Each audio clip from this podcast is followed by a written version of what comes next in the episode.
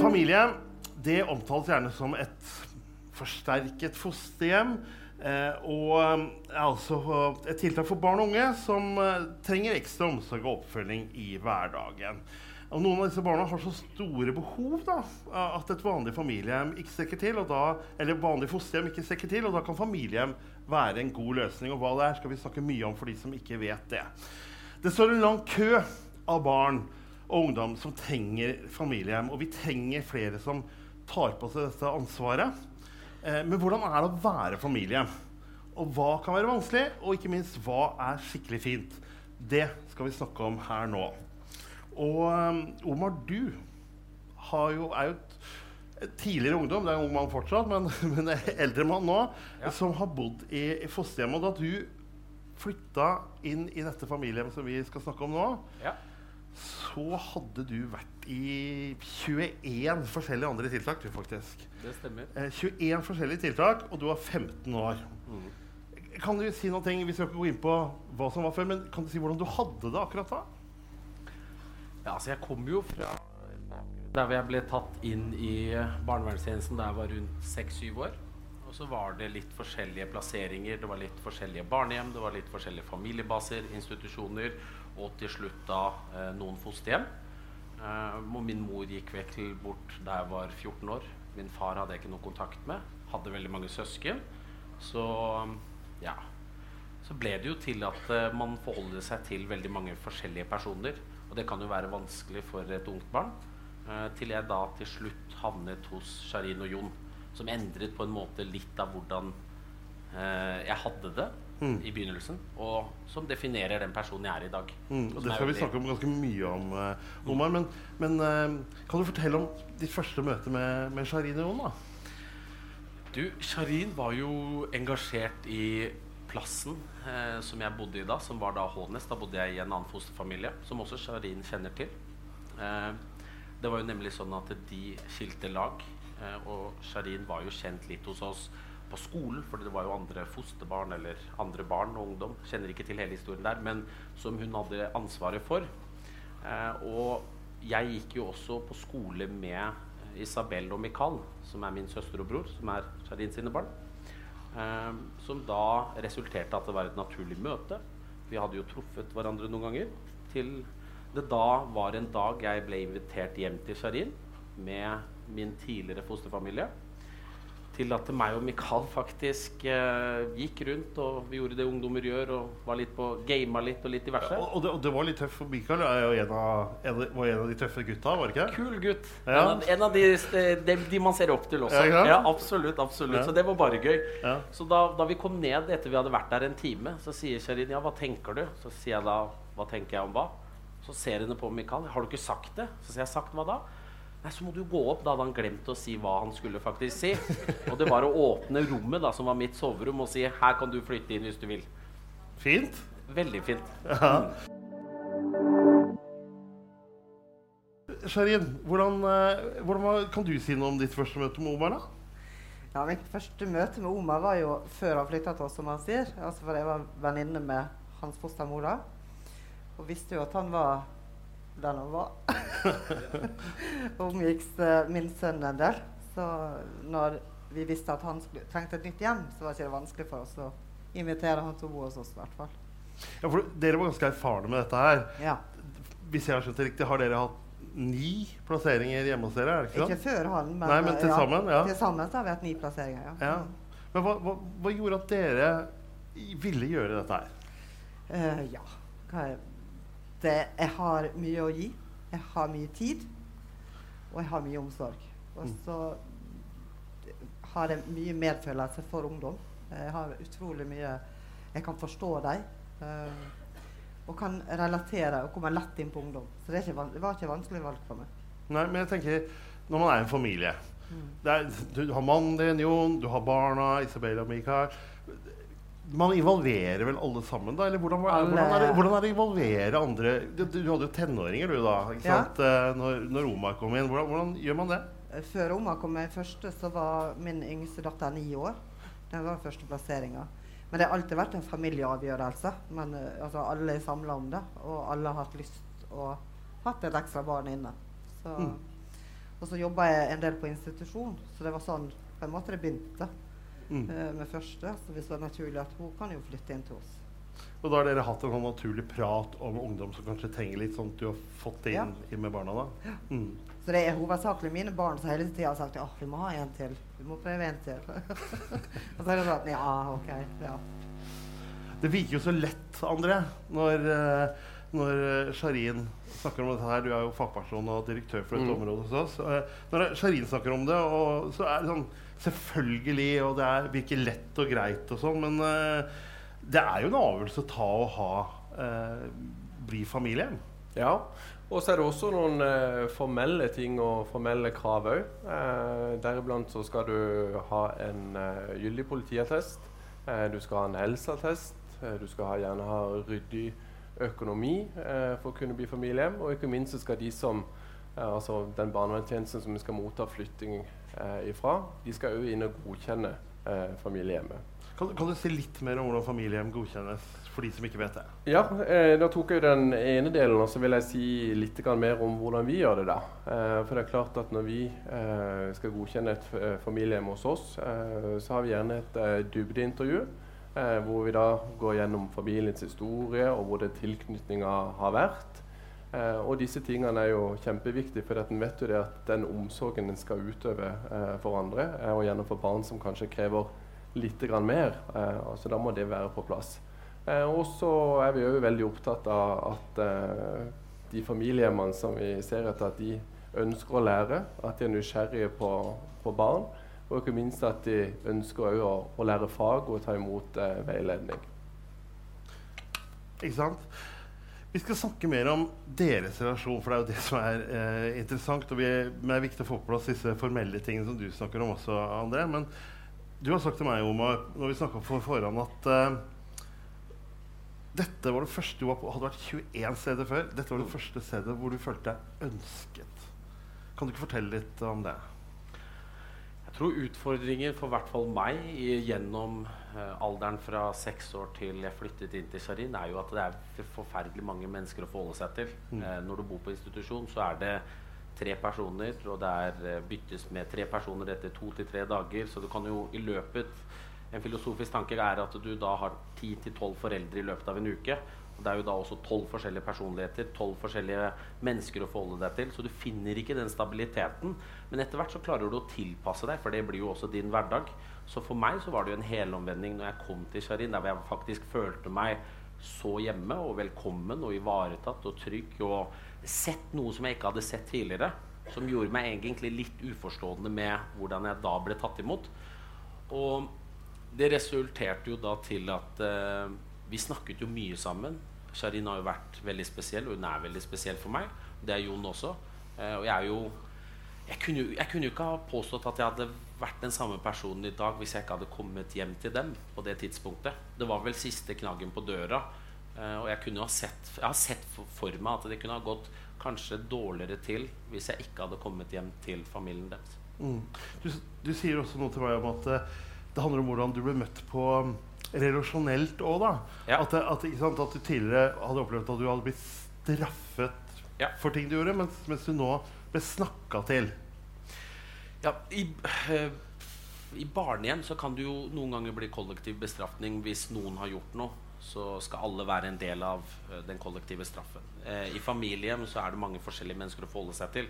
Når man flytter hjem til et familiehjem eller fosterhjem, så har du to foreldre å forholde deg til. Du har gode rutiner, du har trygghet, har forståelse, og du har tilstedeværelse.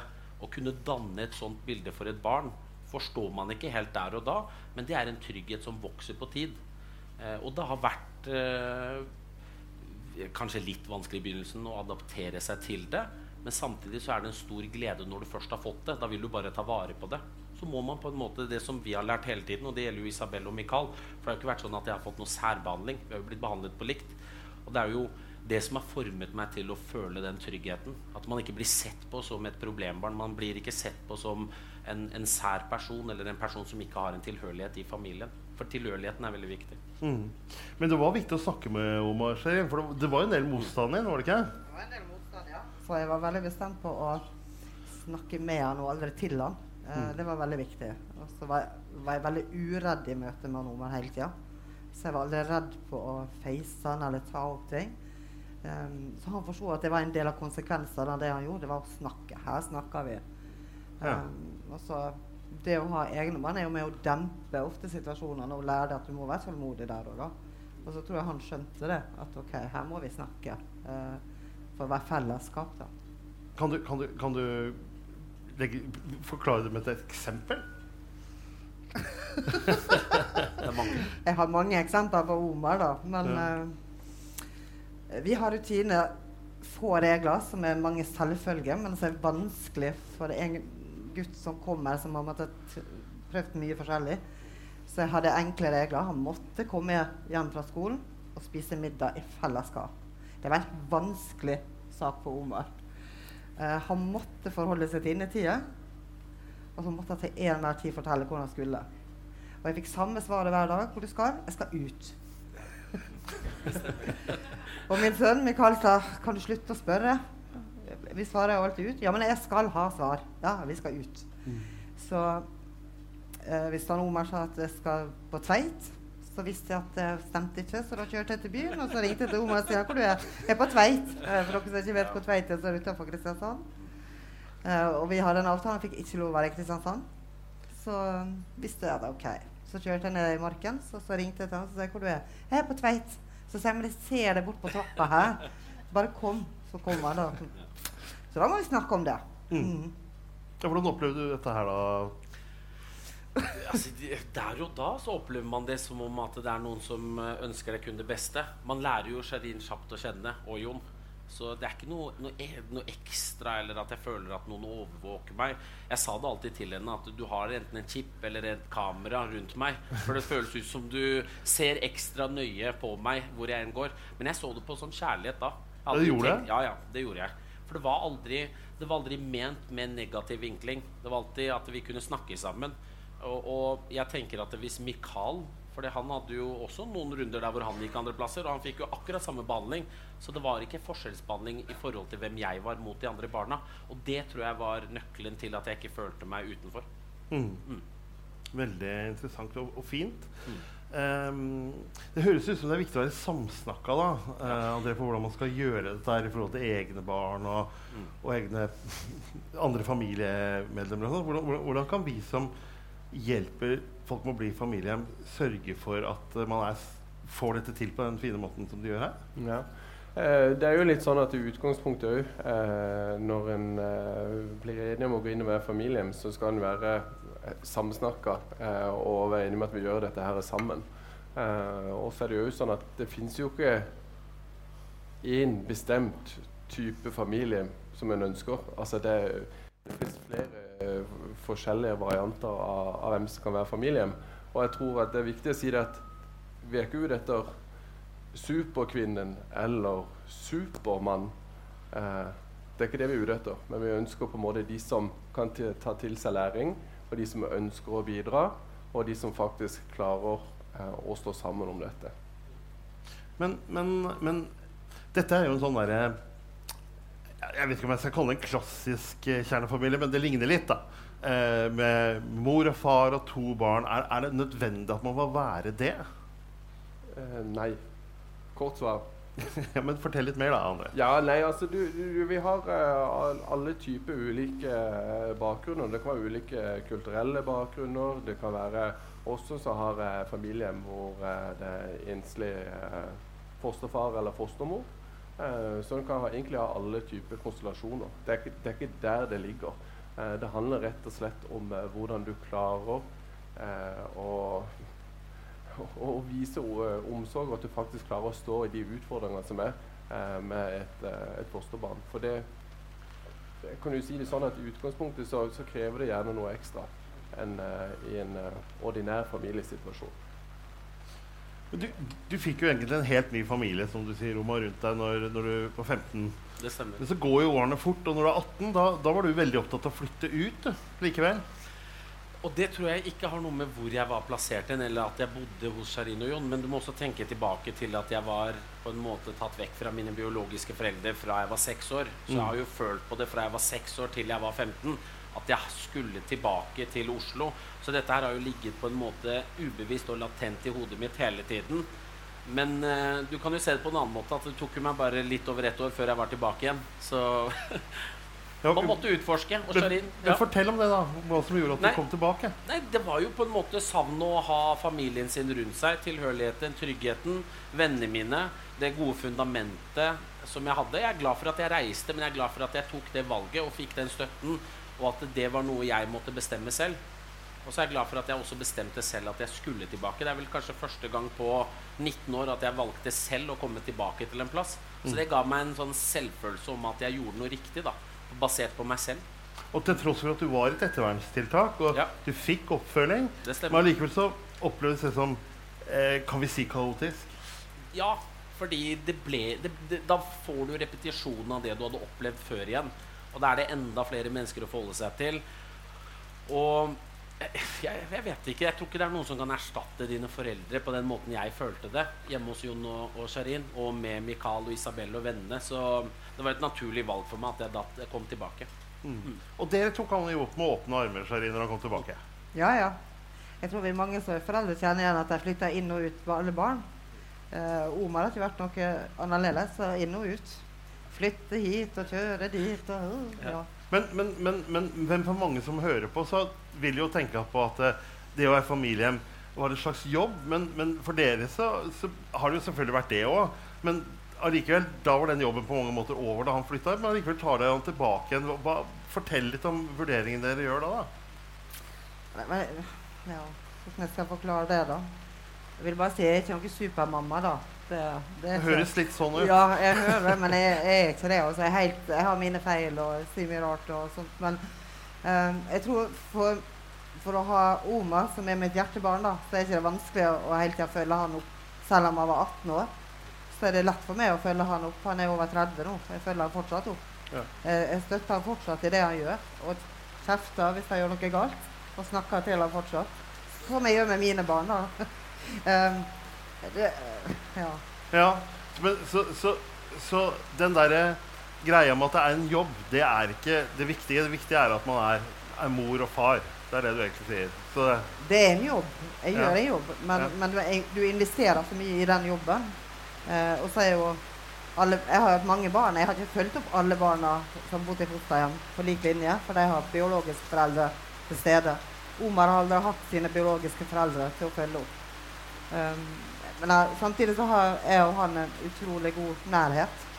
Uh, som ikke du kan bare si nå er jeg ikke betalt med, sier jeg må stoppe nærheten. Det, vi er jo mennesker. mm. Du fortalte det er, Du har veldig nærhet til Jon også, til pappa. Du fortalte meg at du så første gang Jon gråt. Kan du ikke fortelle om det, Omar? For det har med deg å gjøre. Um, jo, altså først og fremst Jon. Jeg elsker Jon. Han er en herlig mann. Han er rolig, balansert. Eh, Sharin er den personen som ofte kan eh, ta diskusjoner. Jon er mer enn den som forteller at dette her kommer til å gå bra. Og jeg har ikke sett Jon gråte eller vise følelser på den måten. Men eh, jeg, jeg kom hjem fra Forsvaret etter et uh, lite opphold der. Og hadde med meg en uttalelse fra Forsvaret som jeg fikk ekstra for innsatsen jeg hadde gjort. Eh, og når jeg viste han den uttalelsen, så leste han den foran hele familien. For da hadde jeg fått en utmerket tjenesteuttalelse som veldig få personer får da, av de 800 soldatene vi var. Så da så jeg tårene trille til, og det var litt uh, rart for meg, men jeg lo litt av det. Ja. Vi, vi snakka om det som en veldig vakker opplevelse. da Ja. så, Og det betyr jo, sier jo noe om hvordan man, man føler det. Og, Ja. og, og, og du er jo veldig nær med, med, med Mikael også. Det stemmer. Eh, dere har også en felles tatovering, har dere ikke det? Det stemmer. Hva, hva er det? Altså, vi, vi tenkte vi skulle gjøre noe vågalt, men samtidig noe vi kunne skjule. Så vi har jo tatovert 'Blodsbrødre', som er to b-er på, på, på armen. da Så det har vi sammen. Det er ganske kult. Det er ganske kult. Det er, det er ganske, og dere jobber sammen nå? Vi jobber sammen også. Du er salgssjef i et forlag og har ansatt Mikael. Ja, eller eh, Han har fått jobben selv, men jeg gjorde en anbefaling, i hvert fall. Ja, ja. Ja. Så er, er, dere er tette, og det er det jeg prøver å prøver Vi er tette. Vi snakker sammen hver dag. Altså, Det er en av mine beste venner. Det, er, eh, det er sånn en bror er. Og høytider og sånn, det dere vil fortsatt med å feire sammen. Ikke bare det. Vi er sammen hver sommer. Vi er sammen hver jul. Jeg, har jo, jeg er jo også pappa til to barn, så Sharin er jo bestemor og har den relasjonen. Vi filmer hverandre på FaceTime. Akkurat det samme som en ordinær familie gjør. Fantastisk. Mm. Um, og dessuten så sier du at Sharin og Jon ikke får selge huset. Det har jo vært en liten eh, Jeg jeg vet ikke om du vil si det. Ja. Vi har jo snakka om at nå er det ingen barn hjemme, jeg har lyst på leilighet. Og han Ja. bare nei! Kan ikke selge mitt hjem. Nei. Mens mine andre barn sier bare ja, bare selg. Og han nei. For han kommer hjem og så legger han på sofaen, og så sover han. For da må han, han er jo veldig energisk. Vi bare på det, og han er veldig energisk, og det må skje, og ja. Men det, det, jeg tenker at hvorfor jeg tar opp det, det, er for, det handler vel noe om den der tilhørigheten, Omar? Gjør det Det ikke? gjør det. det, gjør det. Ja. Absolutt. Og det er en tilhørighet. Det er noe godt å komme hjem fra Oslo eller komme hjem til Kristiansand og bare kjøre opp skråningen uten å tenke, plassere bilen, gå rett opp på rommet mitt, høre litt mas fra henne om at jeg må komme ned og spise, og ellers bare slappe av. Ikke sant? Ja. Men du var selv inne på at du hadde blitt far og sånn nå. Mm. Hvordan påvirker den bakgrunnen du har fra familiehjem, hvordan du er som far?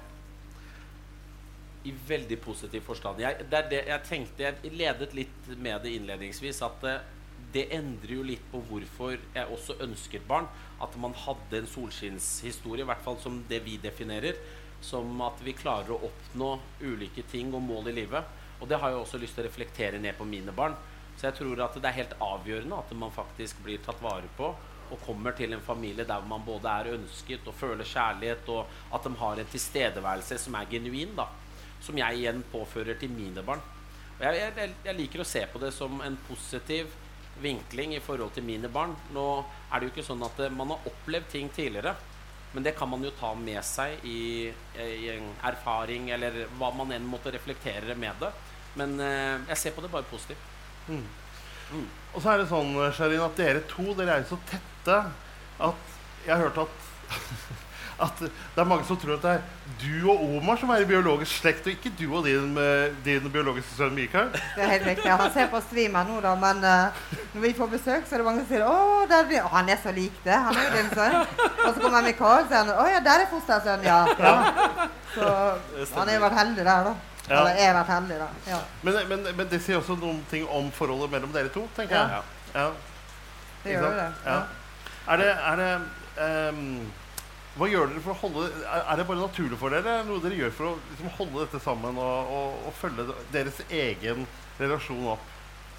Ja, det er helt naturlig for meg, da. Ja. Eh, Jeg tror det handler om å ha det bra sammen. Jeg tror det handler om å også identifisere det man har vært igjennom, og fokusere på hvordan man vil ha det.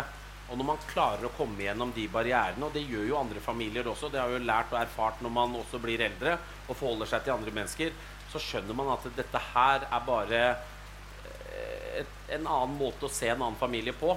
Men familien er akkurat det samme. Vi ler, vi har det gøy, vi har vært på reiser, vi har gjort mye gøy. Jeg har fått to fantastiske besteforeldre.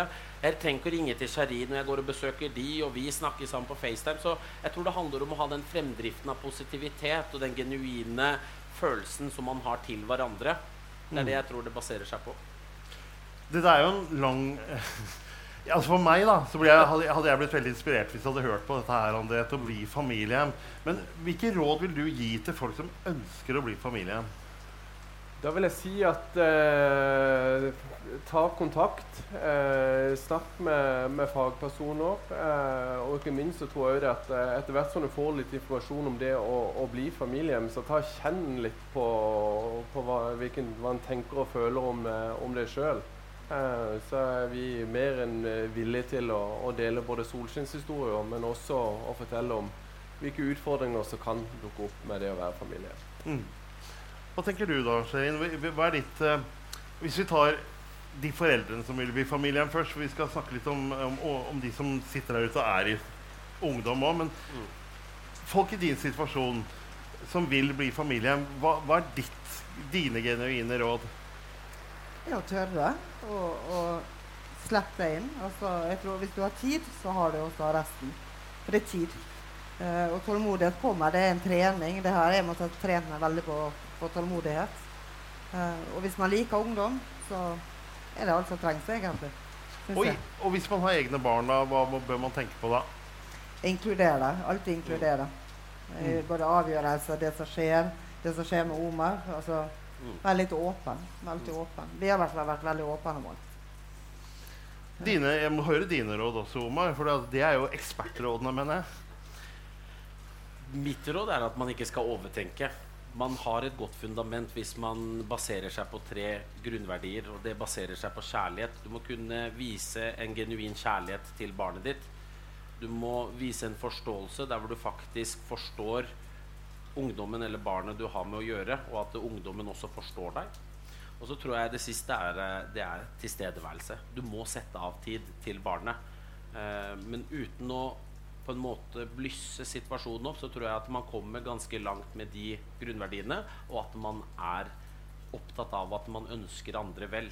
Man, man bryr seg om Nå vil vi spørre deg eh, mens andre, André skifter, skifter mikrofonen, eh, Sharin. Eh, hva- vil du si til disse ungdommene? Altså, hva tenker du at de kan forvente seg? Eh, Det er jo vanskelig å, å si noe til en ungdom, for de vil jo gjerne ha et hjem. Men de vil jo aldri føle seg ønska med det første uansett. Nei. Det tror jeg faktisk ikke. Mm. Uh, det er ingen som ønsker av barn å flytte hjem, men jeg tror de ønsker fremfor å gå på institusjon. Det tror jeg flesteparten gjør. Ja.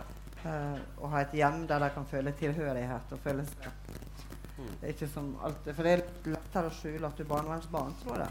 eh, Mm. Hvis du er i familien. Og, og da tenker du på det med mindre stigmatisering og sånne ting? Ja. Ja. Hvorfor er det så viktig? Jeg tror det er med å føle For hvis du går ut, da, eh, og de sier hvor du bor, og så er det «Å, på institusjon, Mm. så er det vanskeligere det enn å si nei, jeg bor uh, oppe på Hånes. Ikke sant? Um, så jeg tror det er vanskelig, for du blir veldig fort stempla hvis du sier du bor på institusjon. For jeg har jobba mange år på institusjon, så jeg vet jo at det er vanskelig for mange å si at jeg bor der. Men um, for barn så er det gi en sjanse, bli kjent. Uh, for de de kommer til, i hvert fall. Mm. Mm. Omar, hva vil du si til disse ungdommene? kommer an på situasjonen for ungdommen, men eh, på et generelt grunnlag at det går bra. Det er mye å se frem mot. Det er mye glede der ute. Det er mennesker som ønsker deg vel. Selv om man ikke forstår det der og da, så ender det opp med at man føler seg bedre. I en vanskelig situasjon så har alle vi mennesker det vanskelig. Det handler ikke bare om ungdommen, det kan vi voksne mennesker også relatere oss til. Så jeg tror det handler om å identifisere at det er ikke bare ungdommen som har en eh, vanskeligstilt situasjon, men det er en situasjon som du må forholde deg til der og da. Og for ungdommen så er det jo tilhørighet som er viktig. Eh, hvis jeg skulle ha sett på min egen eh, tidsreise, så vil jeg nok si at eh, det stemmer veldig godt med det Sharin sier, at eh, man har en tilhørighet hos en familie. Det er ugunstig for et barn, enten om du er seks år eller ti år, å gå rundt og si at du bor i en plass der hvor det går mennesker ut og inn, og så er det seks til ti andre barn som du ikke kan forstå helt hvorfor også er der. Så ja, Mm. det er det. Du har hørt en podkast fra Humana Innsikt. Besøk gjerne vår nettside humananorge.no, eller følg oss på sosiale medier ved å søke opp Humana omsorg og assistanse. Ansvarlig redaktør for podkasten er marked- og kommunikasjonsdirektør Hans Henrik Sørensen.